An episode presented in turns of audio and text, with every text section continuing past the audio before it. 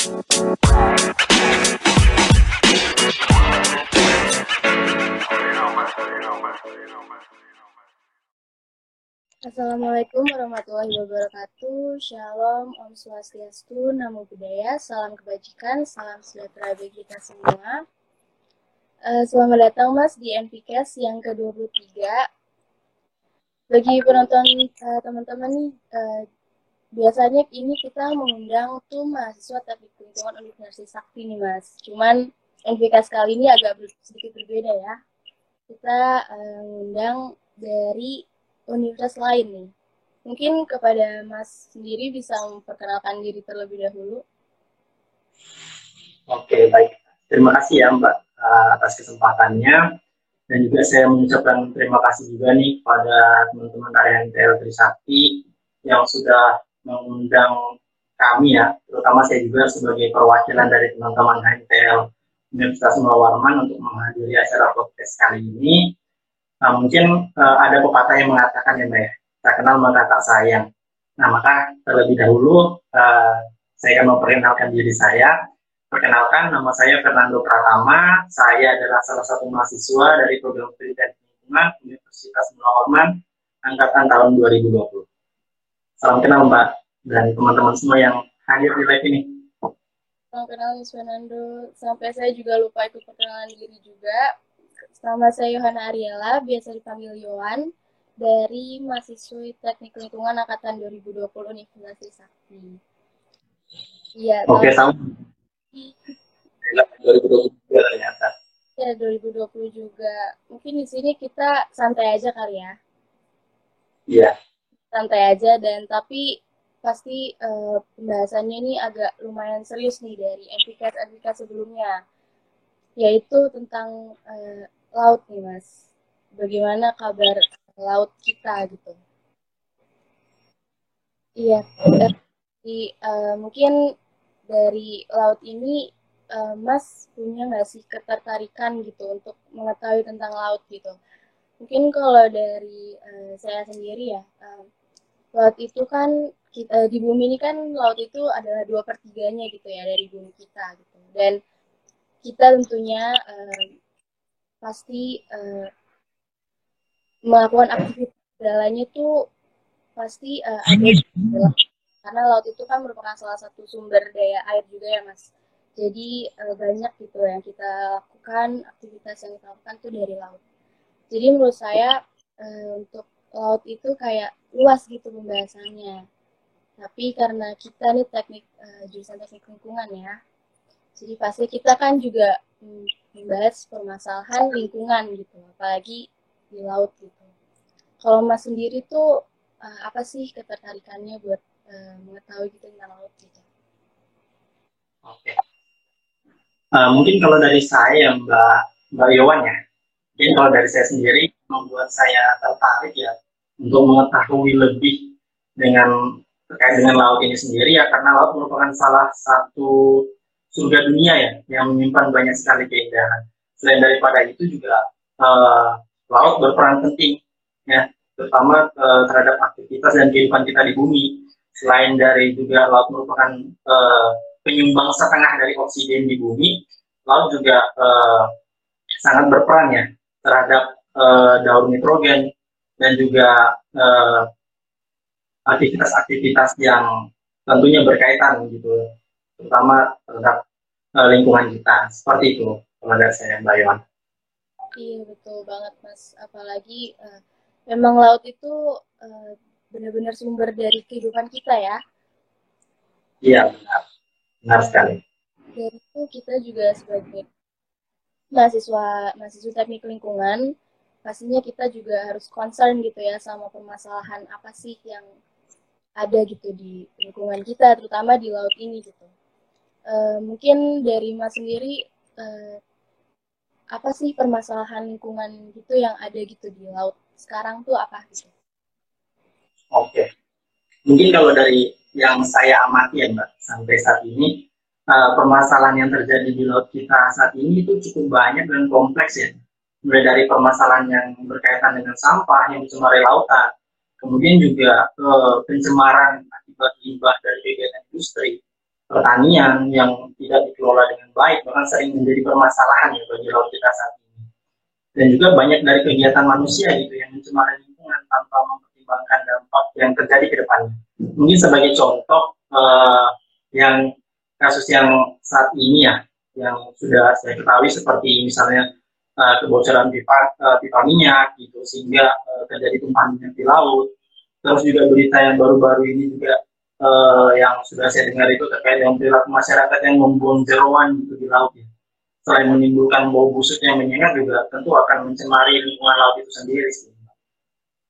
Seperti itu mungkin kalau permasalahan yang sejauh ini yang juga sudah saya dengar dan juga uh, saya amati gitu di lingkungan sekitar seperti itu. Iya, iya sih yang saya lihat juga banyak banget sih kalau soal air apalagi ya mas. Dari itu sangat sensitif gak sih? Karena dampaknya bisa ke mana-mana juga kan apalagi dampaknya ke kita sendiri gitu loh. Kayak sumbernya dari kita tapi akibatnya juga ke kita gitu.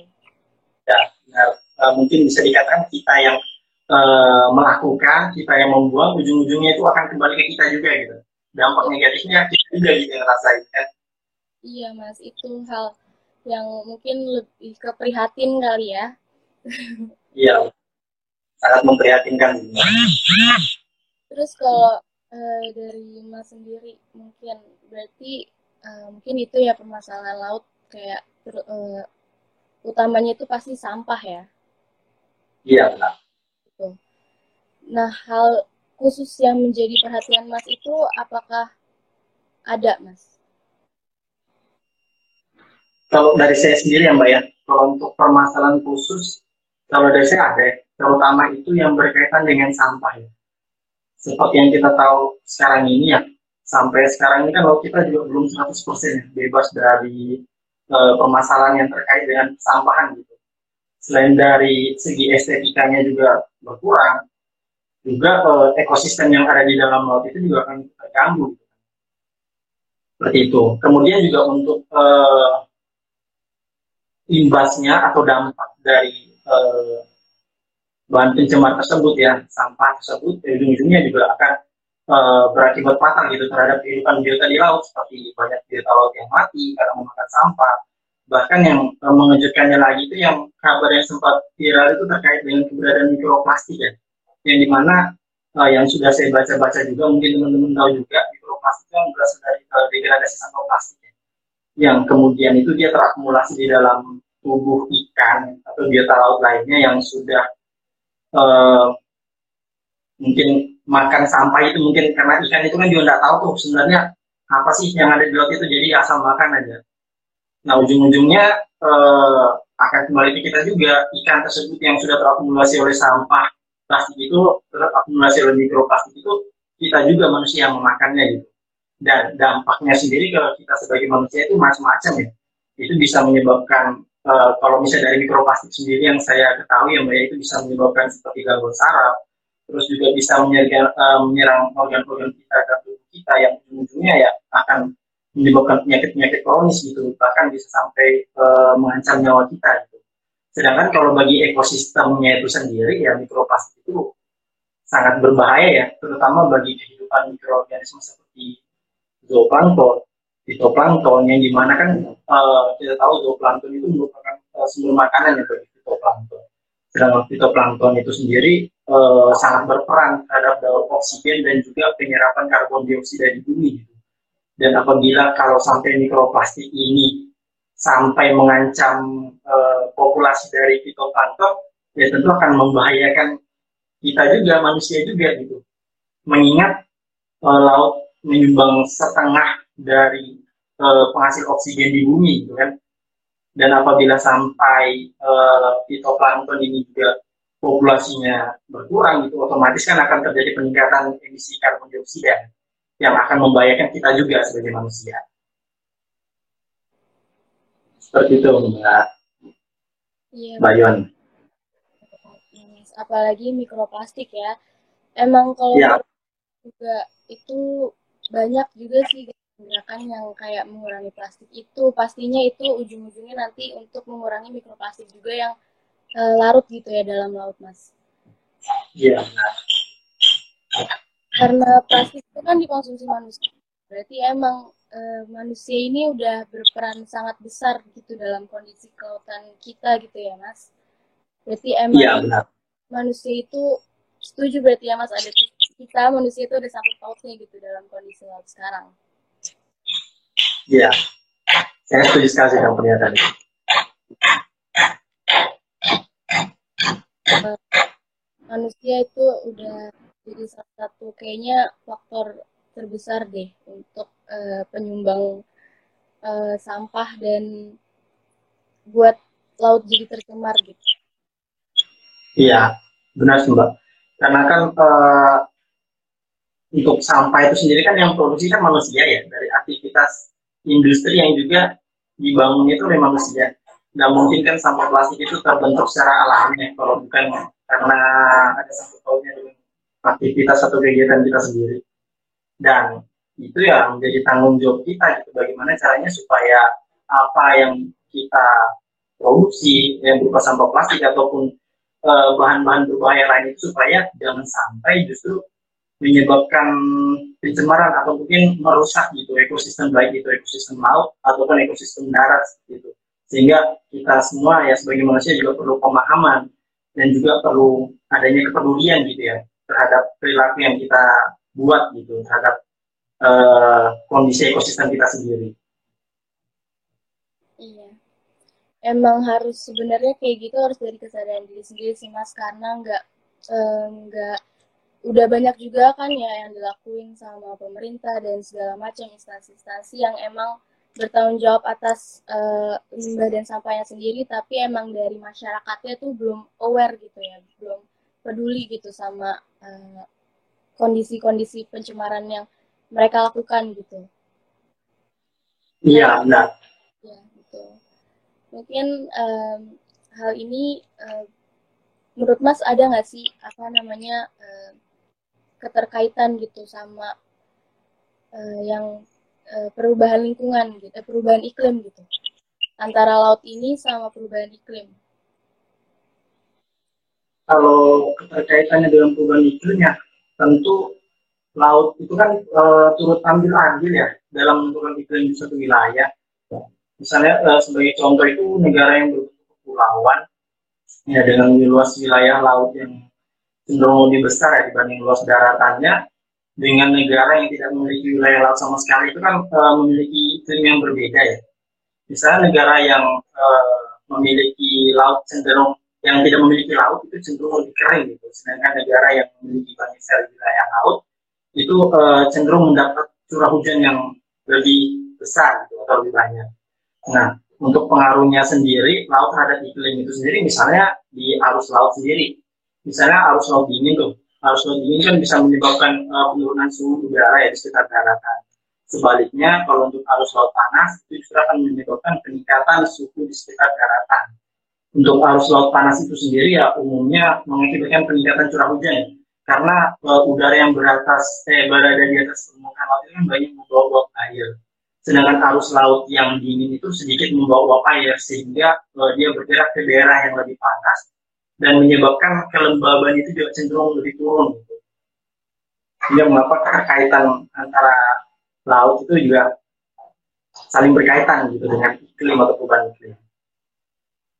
Iya. Iya benar mas. Uh, saya setelah baca-baca juga kayak laut tuh juga uh, punya uh, apa namanya punya ambil bagian gitu dalam iklim di beberapa daerah gitu ya. Karena emang ya, uh, sesuai sama uh, apa namanya daerah-daerah tersebut uh, gimana uh, curah hujannya itu yang mengakibatkan perubahan-perubahan iklim yang ada di beberapa daerah itu. Iya. Uh, kalau untuk Mas sendiri nih uh, apa ya namanya? Punya sih uh, cara atau kayak uh, cara atau uh, gimana sih kita uh, sebagai mungkin sebagai mahasiswa atau uh, siapa masyarakat umum mungkin yang lagi nonton di live IG HMJTL untuk uh, setidaknya gitu mengurangi masalah masalah lingkungan terutama yang ada di laut gitu mas. Oke, mungkin kalau terkait dengan bagaimana tindakan ya, Mbak ya, tindakan kita sebagai masyarakat, baik itu uh, masyarakat umum ataupun mahasiswa, itu tentu uh, kita semua itu punya peran yang sama gitu. Tidak peduli kita punya jabatan apa pun itu, kita intinya sama-sama sebagai manusia itu punya peran yang sama untuk menjaga ekosistem kita sendiri, terutama untuk ekosistem laut. Nah, dan menurut saya seperti yang sudah kita bahas di awal tadi ya, uh, untuk uh, melakukan hal itu mungkin bisa dimulai dari diri kita dulu, dari diri kita masing-masing. Bagaimana caranya kita itu bisa punya gitu kepedulian ataupun kepekaan terhadap permasalahan yang sedang dialami oleh laut kita. Mungkin dari hal-hal kecil aja dan dengan cara ya bagaimana kita menjaga kebersihan area di sekitar laut ataupun pantai dengan tidak membuang sampah anorganik atau sampah-sampah berbahaya ke laut dengan sembarangan atau tidak bertanggung jawab. Terus mungkin kalau misalnya kita e, melihat tindakan orang lain gitu yang kita rasa itu salah dan akan berpengaruh terhadap laut, ya kita bisa melakukannya dengan cara kita memberikan uh, edukasi mungkin atau kita memberikan pemahaman nih pada uh, warga masyarakat yang mungkin kita temui di beberapa tempat yang mungkin uh, melakukan tindakan yang dapat mencemari lingkungan laut. Kita bisa memberikan saran dan masukan nih serta memberikan pemahaman terkait dengan apa sih dampak yang bisa ditimbulkan dari dari aktivitas kita ini aja walaupun hanya sekedar membuang sampah kan tapi kalau misalnya dia secara kontinu artinya itu selalu dilakukan setiap hari dampaknya itu akan lebih besar gitu impactnya akan lebih besar ke kitanya gitu. Nah terus kalau kitanya sendiri sebagai mahasiswa ya mungkin uh, bisa langkah yang bisa kita lakukan dengan cara yang mungkin bisa tergabung gitu di dalam sebuah wadah organisasi atau wadah kemahasiswaan yang bergerak di bidang lingkungan gitu yang di mana kita mempunyai tujuan yang sama, mempunyai um, bidang keilmuan yang sama, dan punya semangat yang sama untuk menjaga ekosistem yang ada di bumi kita ini, baik itu ekosistem darat, terlebih lagi di ekosistem laut seperti itu. Dan juga yang mungkin uh, lebih sering melakukan kegiatan-kegiatan penelitian yang uh, kaitannya baik, uh, untuk mengurangi lah dampak dari pencemaran yang sudah terjadi di laut seperti sekarang ini, semua. Iya betul sih mas, karena um, hal kecil pun yang kita lakukan ini pasti bisa berdampak gitu ya uh, besar gitu bagi lingkungan kita. Kayak misal uh, mungkin uh, kalau banyak sampah di sekitaran laut gitu ya, uh, kayak di pantai gitu, ini bisa dipungutin. Itu itu kan salah satu hal kecil ya yang bisa kita lakukan sebagai masyarakat umum gitu ya mas. Gak cuman yeah. mas aja, tapi juga uh, mungkin uh, pengunjung di sana gitu.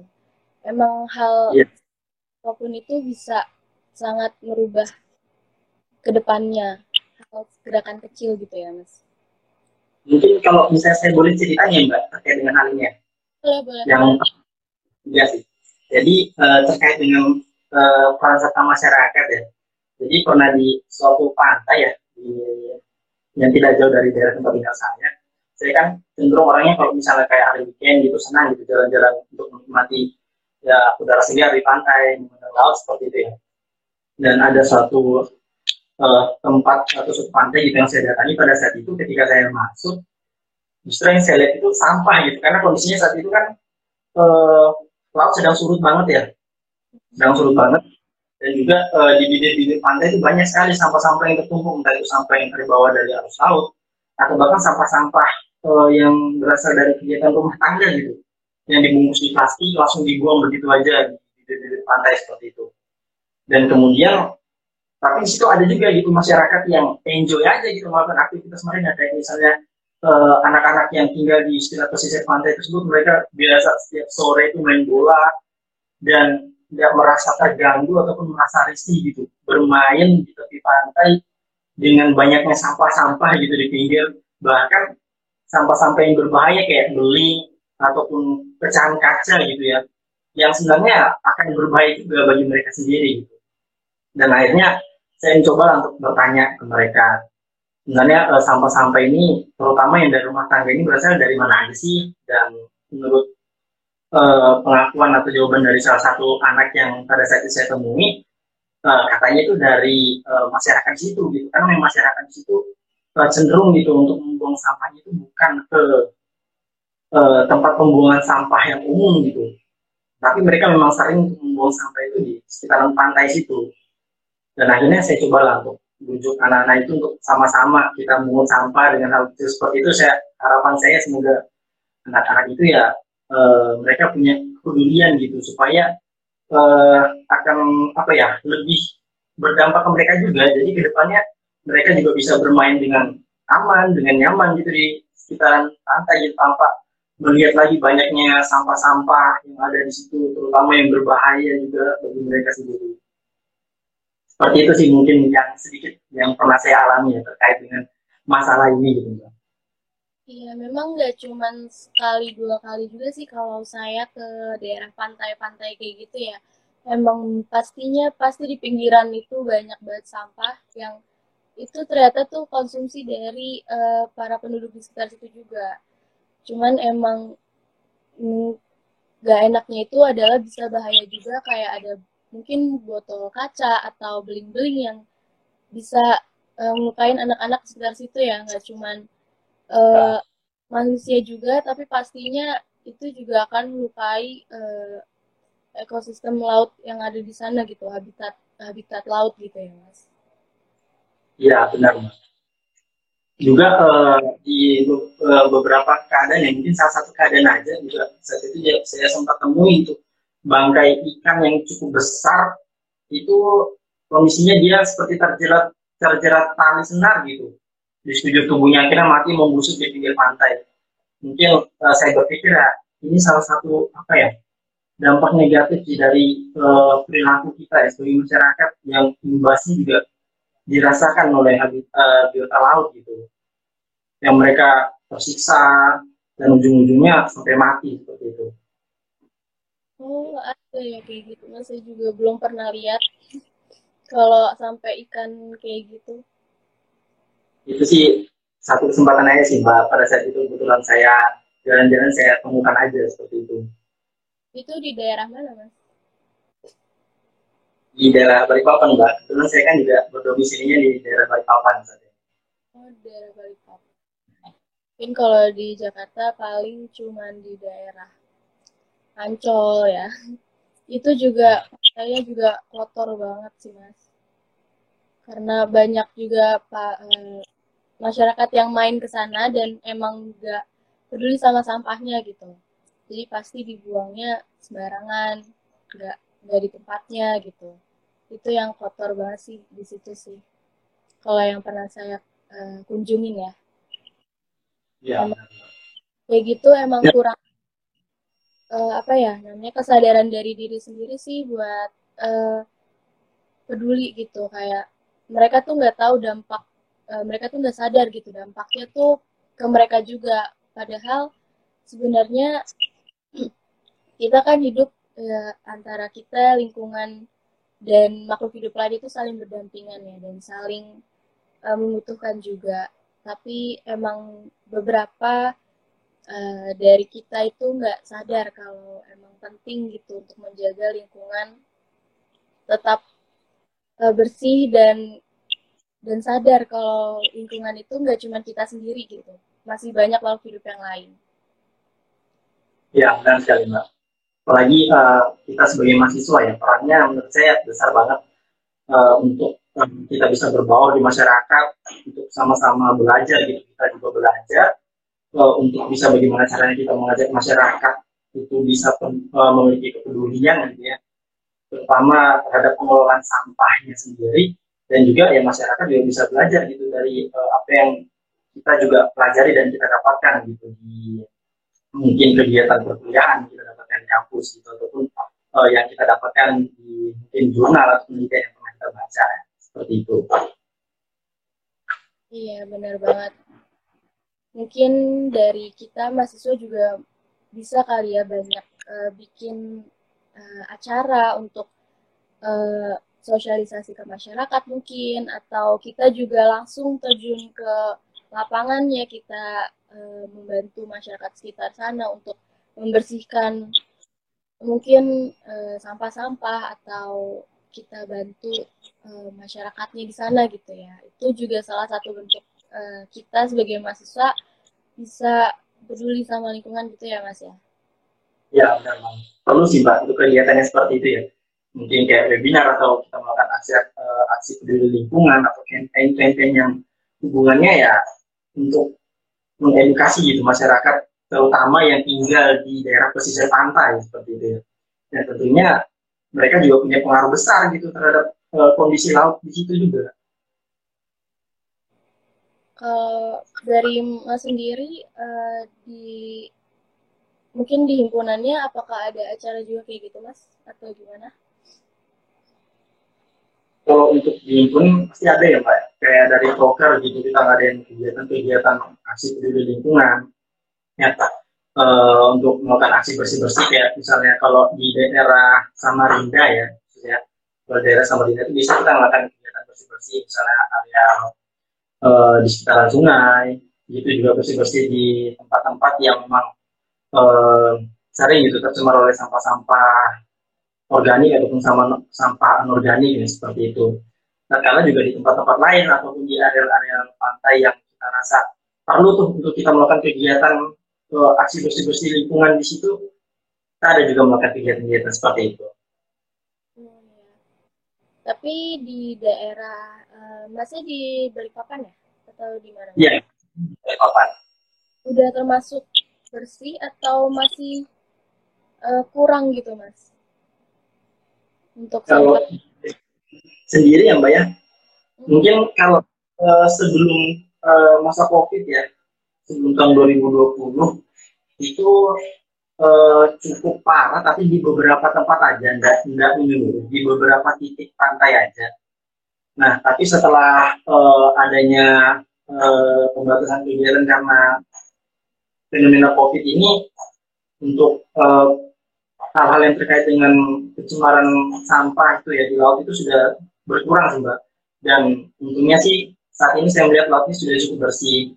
Walaupun di beberapa titik saja gitu di tempat-tempat yang memang tidak terlalu terekspos gitu lokasi pantainya mungkin di daerah-daerah seperti itu aja sih yang masih ada kendala ya untuk masalah eh, apa namanya sampah ini penanganan sampah yang salah ini. Tapi kalau untuk daerah-daerah yang mungkin sudah sering terekspos ya daerah-daerah pantai yang sudah sering terekspos atau sering dikunjungi itu saat ini sudah bersih ya bersih dan juga uh, sudah tidak seperti sebelum-sebelumnya. Itu sih kalau dari yang saya lihat ya Mbak sampai saat ini. Oh, berarti uh, berarti uh, itu apa dari kesadaran masyarakat itu sendiri, Mas? Ya mungkin satu dari kesadaran masyarakatnya sendiri, kedua mungkin karena dengan adanya uh, fenomena COVID ini ya. Jadi karena ada fenomena COVID ini di beberapa eh, lokasi pantai di daerah Balikpapan ini ditutup sementara gitu mbak. Dalam jangka waktu selama satu atau dua bulan ke depan gitu, biasanya. Tidak boleh ada kunjungan sama sekali. Ya secara tidak langsung menurut saya itu salah satu langkah juga gitu, untuk mengurangi uh, volume sampah yang ada di laut kita juga. Dan alhasil uh, ketika sekarang sudah mulai ya, diperlukan izin untuk berkunjung ke daerah pantai saat ini yang kita lihat ya sudah bersih gitu sudah terbebas lah dari permasalahan sampah jauh lebih baik dari sebelum-sebelumnya. Oh, iya. Berarti mungkin eh, kalau di Jakarta juga sebenarnya pas saat COVID itu kan memang belum boleh banyak pengunjung ya mas kalau untuk ke daerah kawasan iya. pantai yeah. itu ya. Jadi yeah.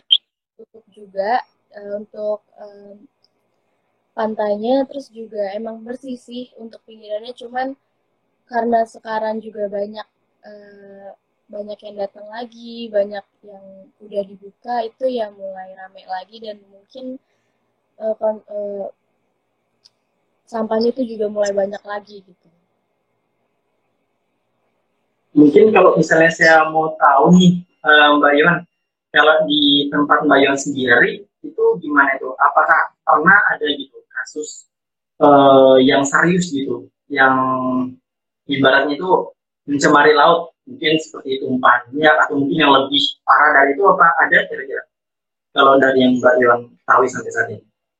Mungkin kalau laut uh, di sini mungkin uh, masih sama ya masih sampah seputar sampah juga uh, mungkin juga itu lebih banyak kayak limbah sampah dari uh, dari masyarakat penduduknya juga gitu. Dari misalnya dari uh, dari pabriknya kalau misal beberapa yang masih belum benar gitu untuk uh, mengolah limbahnya gitu. Itu sebenarnya masih sama sih dan lebih banyak juga kalau di laut di sini tuh uh, lebih ke konsumsi penduduk sih. Karena emang nakalnya pen masyarakat tuh di situ. Kalau untuk limbah uh, pabrik dan segala macam itu masih tergolong aman dan um, emang yang paling dititik beratkan itu adalah eh, sampah-sampah plastik terutama yang emang ada gitu di pinggiran-pinggiran uh, laut entah itu pantai ataupun uh, dari uh, bawaan dari uh, rupa masyarakat penduduk itu ya kayak langsung ke terjun ke laut gitu mas. Oh iya. Kalau di tempat saya sendiri ya mbak uh, itu uh, mungkin sama ya kurang lebih aja kayak uh, di, di lokasinya mbak Iwan ya itu lebih fokus ke permasalahan sampah plastik. Tapi mungkin kalau misalnya kayak uh, kejadian misalnya kayak tumpahan minyak ya akibat kebocoran pipa Pertamina kalau di sini itu biasanya itu cuma karena klien aja sih. E, karena mungkin e, dari kecerobohan kecerobohan manusianya sendiri yang sampai menyebabkan hal seperti itu gitu. juga ya seperti yang tadi itu yang saya katakan di awal yang e, tindakan masyarakatnya itu yang membuang jeruan sembarangan aja ke laut. Jadi lebih ke itu sih mbak. Apa namanya? Kesadaran masyarakatnya sendiri sama e, bagaimana untuk masyarakat itu bisa lebih hati-hati lagi gitu dalam melakukan aktivitasnya yang tanpa disadari mungkin karena kelalaiannya sendiri dampaknya bisa berkelanjutan dan bisa terus menerus bahkan jangan sampai lah bisa dirasakan sampai generasi-generasi selanjutnya gitu. Betul. Emang kalau misalkan yang kayak tumpahan minyak itu nggak mungkin itu disengaja karena apalagi itu ya. sesuatu gitu yang punya nama gitu. Pastinya nggak mungkin ya. ya yang sengaja itu kan biasanya manusia ya mas ya? Ya biasanya manusia sih. Kita buang sampah sengaja gitu sembarangan gitu tanpa mikirin kayak dampaknya ke depan apa. Terutama apalagi kalau misalkan di kali-kali kayak gitu ya di sungai-sungai gitu kan pasti ujung-ujung nanti ke laut ya mas itu sih paling. Yeah. apalagi di Jakarta juga banyak kayak rumah rumah-rumah di pinggiran sungai di pinggiran kali yang emang sum, uh, pembuangan sampahnya itu pasti langsung ke laut uh, ke sungainya gitu. Ke daerah perairannya gitu. Itu sih yang paling um, jadi salah satu hal yang harus diperhatiin juga sama pemerintah. Karena itu dampaknya sangat besar sih. Apalagi kemarin juga kita dari HMJ TL itu dari himpunan uh, juga ngelakuin aksi lingkungan di mana kita bersih-bersih sungai gitu mas. Dan itu lumayan uh, sampahnya juga banyak ya.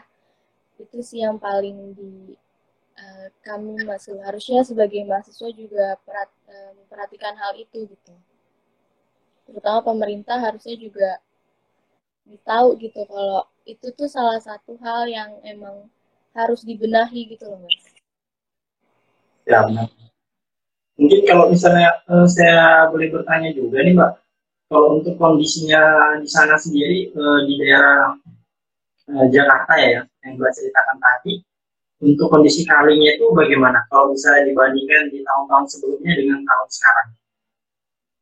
Sebenarnya kalau kali itu um, untuk banjir itu kan sebenarnya udah berkurang juga mas. Cuman emang kalau curah hujannya tinggi itu emang tetap banjir gitu.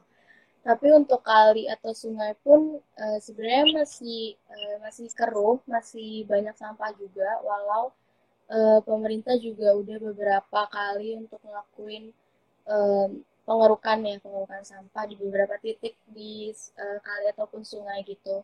Cuman emang semisal mm, curah hujan tinggi itu kadang suka emang masih suka naik gitu mas uh, uh, volume airnya bikin uh, bikin kadang suka ke daerah penduduk-penduduk juga gitu. Cuman emang kalau untuk volume sampah itu mungkin berkurang karena e, di keruk itu, bukan karena e, masyarakatnya gitu mas. Gitu sih, emang masyarakatnya masih kurang untuk e, persoalan sampah gitu. Iya, benar sih mbak. Apalagi kan uh, ujung-ujungnya ya uh, sampah yang hanyut di aliran sungai itu kan ujung-ujungnya nanti akan mengarah ke laut juga gitu kan. Dan justru akan membahayakan laut juga seperti itu.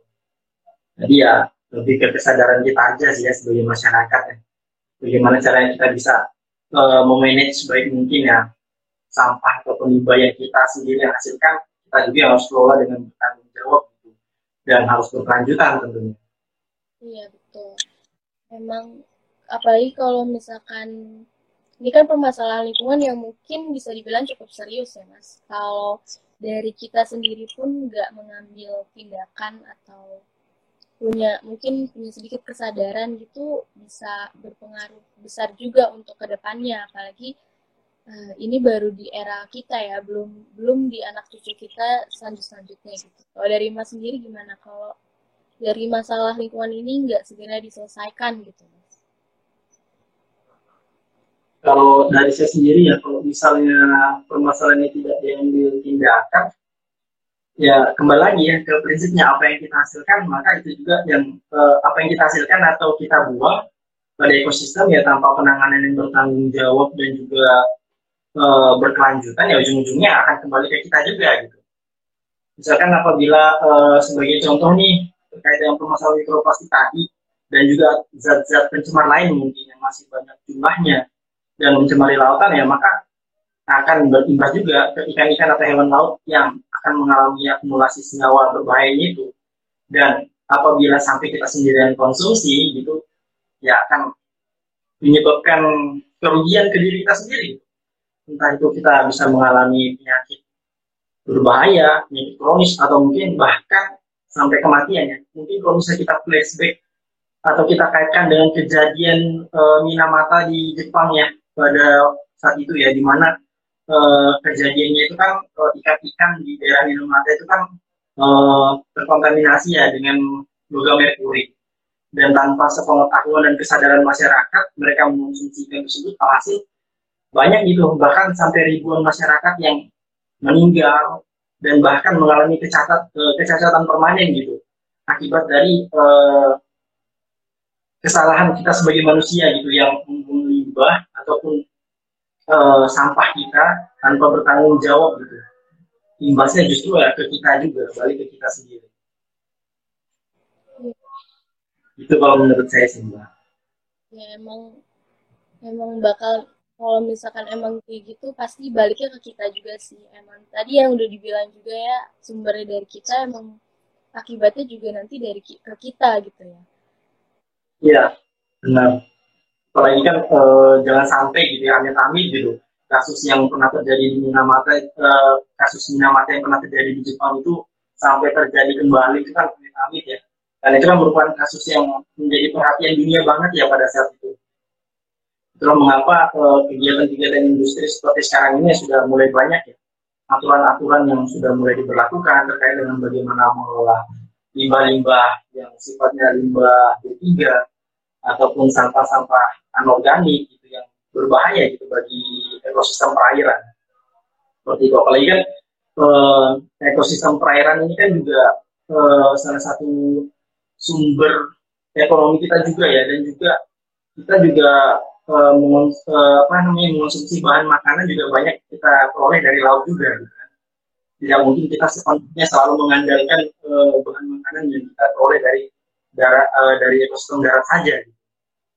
Tapi di ekosistem laut justru menyumbang lebih banyak gitu apa yang kita butuhkan di kehidupan kita. Jadi kalau misalnya sampai kita tidak bisa menjaga, kita tidak bisa merawat ya, eh, kondisi lingkungan laut kita, ya itu akan sangat-sangat berdampak buruk sih. Baik untuk generasi kita saat ini, ataupun sampai ke generasi-generasi berikutnya, sampai ke cucu kita nanti. Iya, betul banget, Mas. Um, mungkin uh, Mas kalau ada yang mau disampaikan lagi karena mungkin ini sehabis ini uh, akan sudah mau selesai ya. Iya, tidak terasa banget ya Mbak ya. Perbincangan kita sudah cukup panjang dan juga saya lihat nih uh, teman-teman yang join juga ya lumayan lah ya. Lumayan banget mas yang join juga. Mungkin dari teman-teman yang udah nonton, mungkin abang kakak atau mahasiswa atau masyarakat yang lain, apakah ada yang mau disampaikan mungkin di kolom komentar Mungkin kalau misalkan ngomongin soal laut itu juga nggak akan ada habisnya ya mas, apalagi permasalahan lingkungan yang lagi terjadi gitu. Iya benar banget mas, nggak nggak akan ada selesainya. Hmm, Karena kaitannya ya dengan kehidupan kita juga gitu. Iya betul. Apalagi oh, kemarin kan kita juga uh, mungkin sampai sekarang ya masih uh, ada pandemi COVID gitu, di mana itu sampah, um, apalagi sampah medis yang lebih banyak gitu ya, yeah. dibandingkan sampah-sampah yang ada di rumah sendiri gitu. Itu juga itu juga uh, jadi salah satu yang kok bisa gitu sampah yang sampah masker lah atau sampah yang lain sampah sampah medis itu bisa sampai gitu ke laut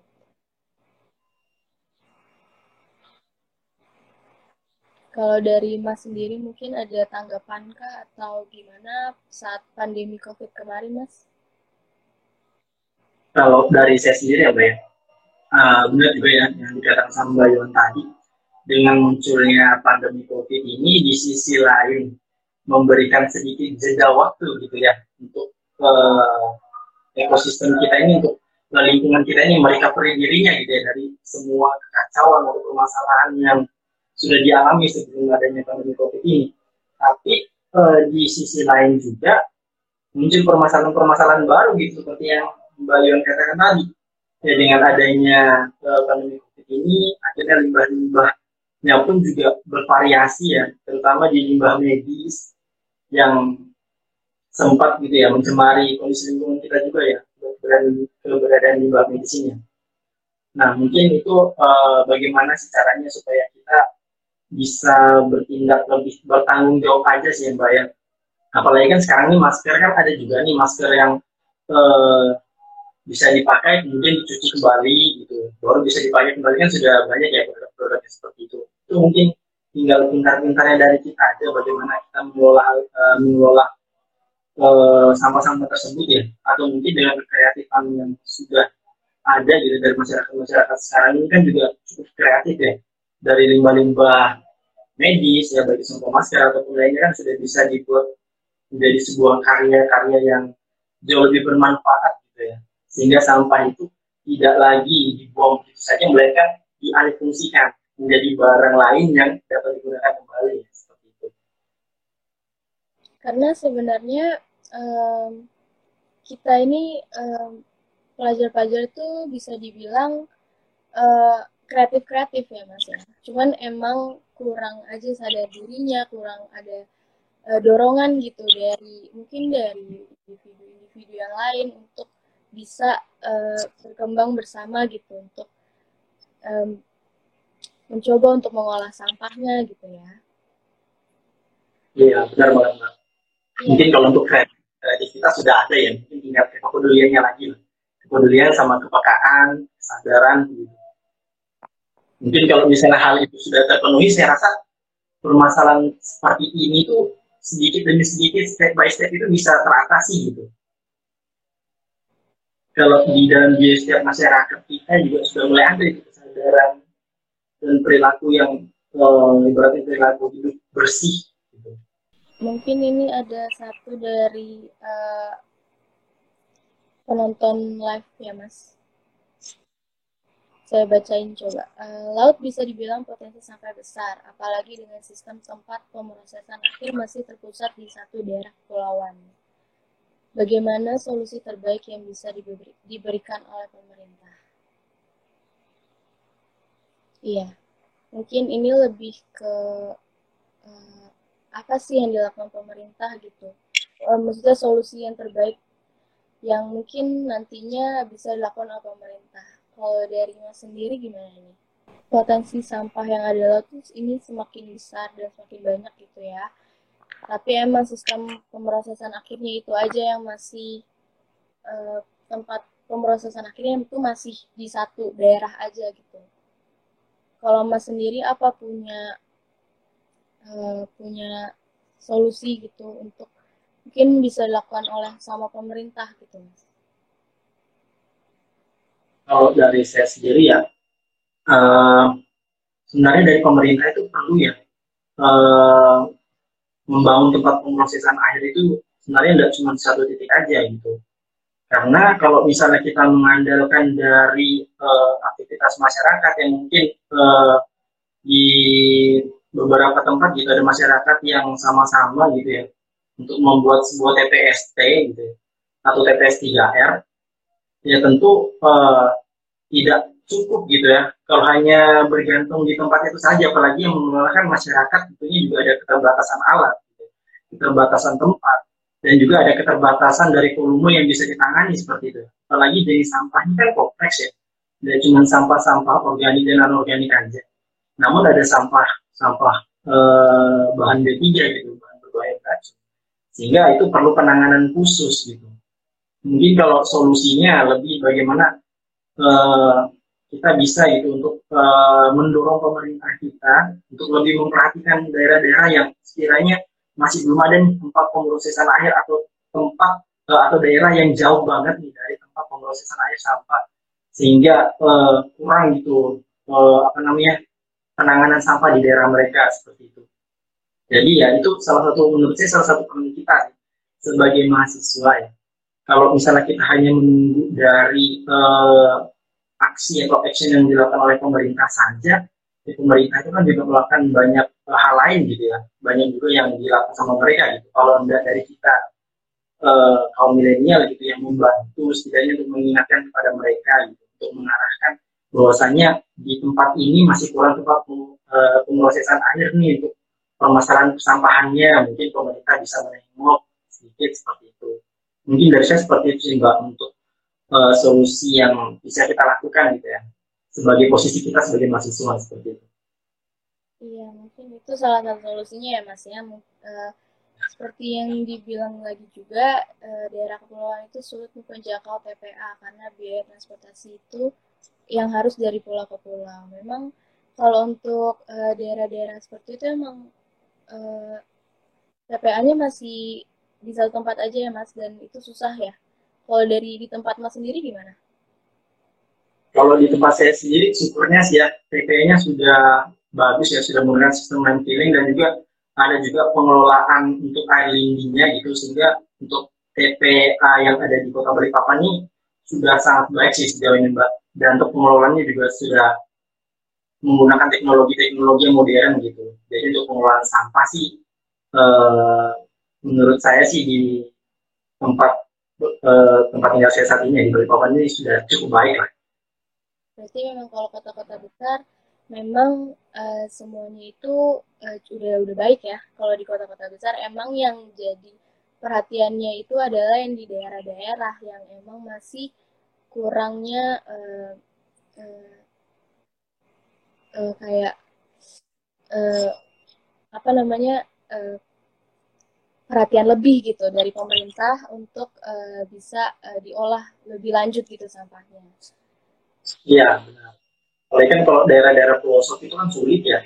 Selain dari uh, aksesnya juga sulit, kan karena ada juga tuh daerah-daerah pelosok itu yang dari uh, akomodasinya itu sulit gitu ya, dari uh, akses masuknya sulit. Terus juga dari masyarakatnya juga uh, belum ada gitu apa namanya pengetahuan yang lebih gitu terkait dengan penanganan sampah yang baik itu seperti apa gitu kan sehingga itu menurut saya bisa jadi perhatian yang lebih khusus lah untuk pemerintah kita iya. untuk ke. Nah. Ya mungkin seperti itu ya Mas ya untuk nah, seperti itu. Masalah, masalah sampah dan laut gitu ya karena emang sampah dan laut ini saling sangat teramat berkaitan banget ya karena sampah ini banyak banget ditemuin di laut. Mungkin eh, dari masnya ada yang mau disampaikan lagi kah sebelum kita akhirnya satu lagi nih? Mungkin uh, untuk disampaikan uh, apa kayak pesan dan kesan gitu kali Mbak Yohan ya? Boleh. Uh, mungkin yang terakhir uh, kesan dan pesan ya untuk para pendengar dan penonton di live IG nih. Oh iya. Untuk nah. uh, berkenaannya tentang uh, melindungi lingkungan laut atau mengurangi permasalahan lingkungan uh, sampah di lautan gitu. Eh, mungkin kalau mungkin dari saya Mbak Yon ya. Ya mungkin kalau dari saya ya untuk kesannya sendiri eh, kegiatan yang saat ini kita lakukan ya. Semoga kita di sini sama-sama belajar gitu. Baik saya, Mbak Yuan, juga yang gabung juga kita di sini sama-sama belajar nih melalui forum diskusi seperti ini terkait dengan apa yang menjadi topik pembahasan kita gitu. Dan mulai dari awal tadi mungkin bisa menjadi eh, saran dan masukan gitu supaya uh, kita bisa dapat pandangan gitu apa gitu ke depannya yang bisa kita lakukan yang bisa kita berikan tindakan gitu uh, untuk memberikan kontribusi kita gitu kan uh, terhadap uh, terutama untuk ekosistem laut kita gitu. Kalau untuk pesannya kita sebagai mahasiswa ya terus semangat ya terus semangat terus belajar dan juga uh, tetap uh, apa ya selalu mempunyai kesadaran diri gitu kesadaran diri, kepedulian dan kepekaan, apalagi kita sebagai mahasiswa teknik lingkungan yang bayawannya penting banget untuk mempunyai kesadaran diri dan juga kepekaan terhadap lingkungan sekitar kita gitu. Mungkin itu sih Mbak kalau dari saya untuk kesan dan pesan baik itu untuk teman-teman dan juga untuk kita sendiri. Ya terima kasih banyak Mas. Mungkin uh, kalau uh, dari saya ini ini sangat uh, sangat bermanfaat banget ya. Kita berbagi pendapat berbagi ilmu juga saling bertukar cerita juga ya mas. Mengenai ya. apa apalagi mengenai laut e, kabar laut yang ada. Kita di sekarang hal ini juga mungkin bisa membuka pikiran e, kita dan mungkin teman-teman juga yang nonton gimana sih e, laut kita tuh lagi kenapa sih gitu uh, apa sih yang harus diperhatikan eh, sekarang-sekarang ini mengenai laut kita, dampaknya apa, yang udah tadi kita bahas juga gitu.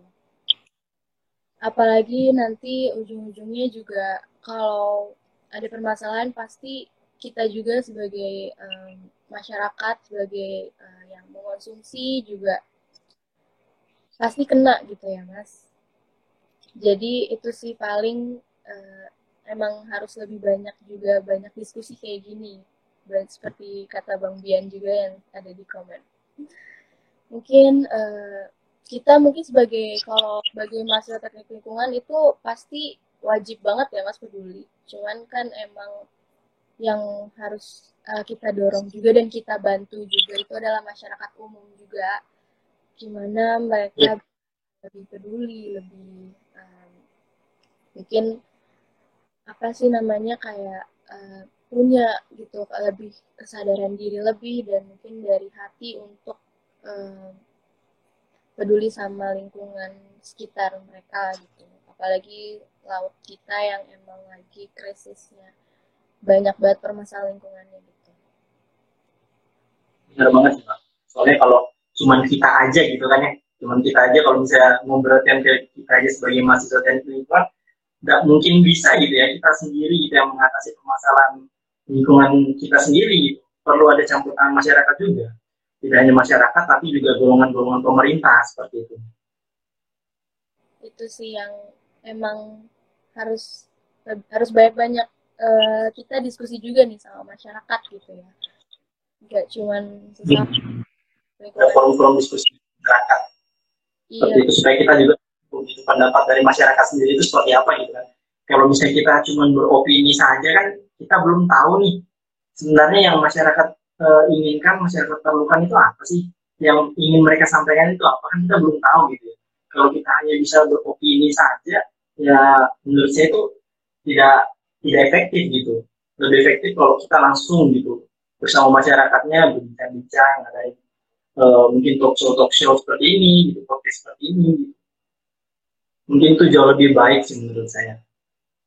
Iya, ini, ini kan juga mungkin salah satu ini mungkin uh, dari titik awalnya kali ya Mas. Nanti uh, semakin lama semakin semakin kita juga langsung terjun ke lapangannya gitu ya. Itu Iya, benar. Dan lebih efisien dan nanti akhirnya bisa uh, nimbulin dampak yang besar juga untuk lingkungan gitu. Iya, benar banget Mbak Iwan mungkin uh, ini udah udah satu jam aja ya mas kita ngobrol juga. Nggak kerasa juga. Saya dari tadi cerita cerita juga.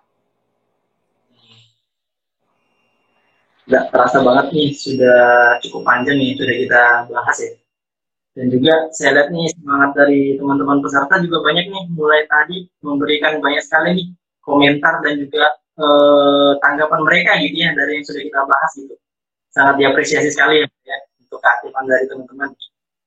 Terima kasih banyak penonton dan Mas Fernando terutama karena sudah mau uh, ikut ambil bagian dalam uh, konten NPCast juga nih Mas. Uh, saya sangat berterima kasih karena mau diajak ngobrol, mau juga diajak bertukar pendapat dan pikiran dan cerita gitu ya Mas.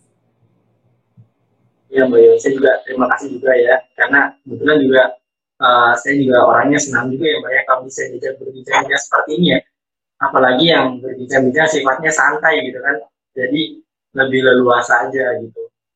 Saya terima kasih juga ya kepada Mbak Yohan, juga kepada teman-teman dari KMTL uh, Trisakti ya, yang sudah melaksanakan kegiatan podcast ini mungkin harapannya semoga ke depannya lagi e, bisa ya diadakan kegiatan-kegiatan seperti ini dan tentunya dengan narasumber-narasumber lain yang luar biasa gitu supaya pembahasan kita ini bisa lebih kontinu gitu ke depan. Iya, ini juga salah satu pengalaman juga bisa eh, bincang-bincang sama mahasiswa teknik lingkungan universitas lain ya mas, itu Universitas Mula Warman. Ya benar banget mbak. Terutama juga pengalaman perdana sih bagi saya sendiri ya mbak ya untuk ikut podcast seperti ini yang biasanya cuma bisa berbincang uh, ketemu langsung dengan teman gitu teman sekampus atau teman beda kampus. Tapi sekarang ini dengan teman yang berbeda provinsi juga ya, ya saya ada di saya ada di Pulau Jawa gitu dengan akses yang mudah seperti sekarang ini ya. Kita bisa melakukan kegiatan eh, bincang-bincang uh, ya dengan metode yang seperti ini ya dengan sederhana tapi efektif gitu Ya sudah kalau begitu terima kasih banyak ya Mas. Terima kasih juga kepada pihak Universitas Mula Warman karena sudah mau membantu mensukseskan uh, konten FPKS yang ke-23 pada hari ini. Mungkin ada yang mau disampaikan lagi Mas sebelum akhirnya saya tutup? Uh, mungkin kalau dari saya uh, kembali lagi ya. Terima kasih juga ya kepada Mbak Yuan ya sama teman-teman Universitas Trisakti juga saya juga mengucapkan terima kasih kepada teman-teman dari Materi Unmul ya, yang sudah bergabung juga mulai awal sampai akhir kegiatan kita ini yang sudah setia ya untuk menonton dan juga uh, menyimak nih uh, pembahasan kita mulai dari awal sampai pada akhir ini. Mungkin saya ucapkan terima kasih pada teman-teman semua yang hadir. Terima kasih Mas Fernando. Mungkin uh, saya tutup ya untuk uh, eh, MPKS yang ke-23 pada siang hari ini. Semoga uh, MPKS uh, kali ini bisa bermanfaat bagi kita semua, bagi penonton juga, dan bagi uh, Mas Fernando sendiri dan saya. Mungkin bisa lain kali kita bisa ngobrol lagi ya Mas. Ya, bisa Mbak. Mungkin sangat ditunggu ya Mbak untuk kesempatan berikutnya ya. Baik, terima kasih banyak Mas Fernando dari Universitas Warman. Terima kasih juga Mbak Yohan, teman-teman semua. Terima kasih.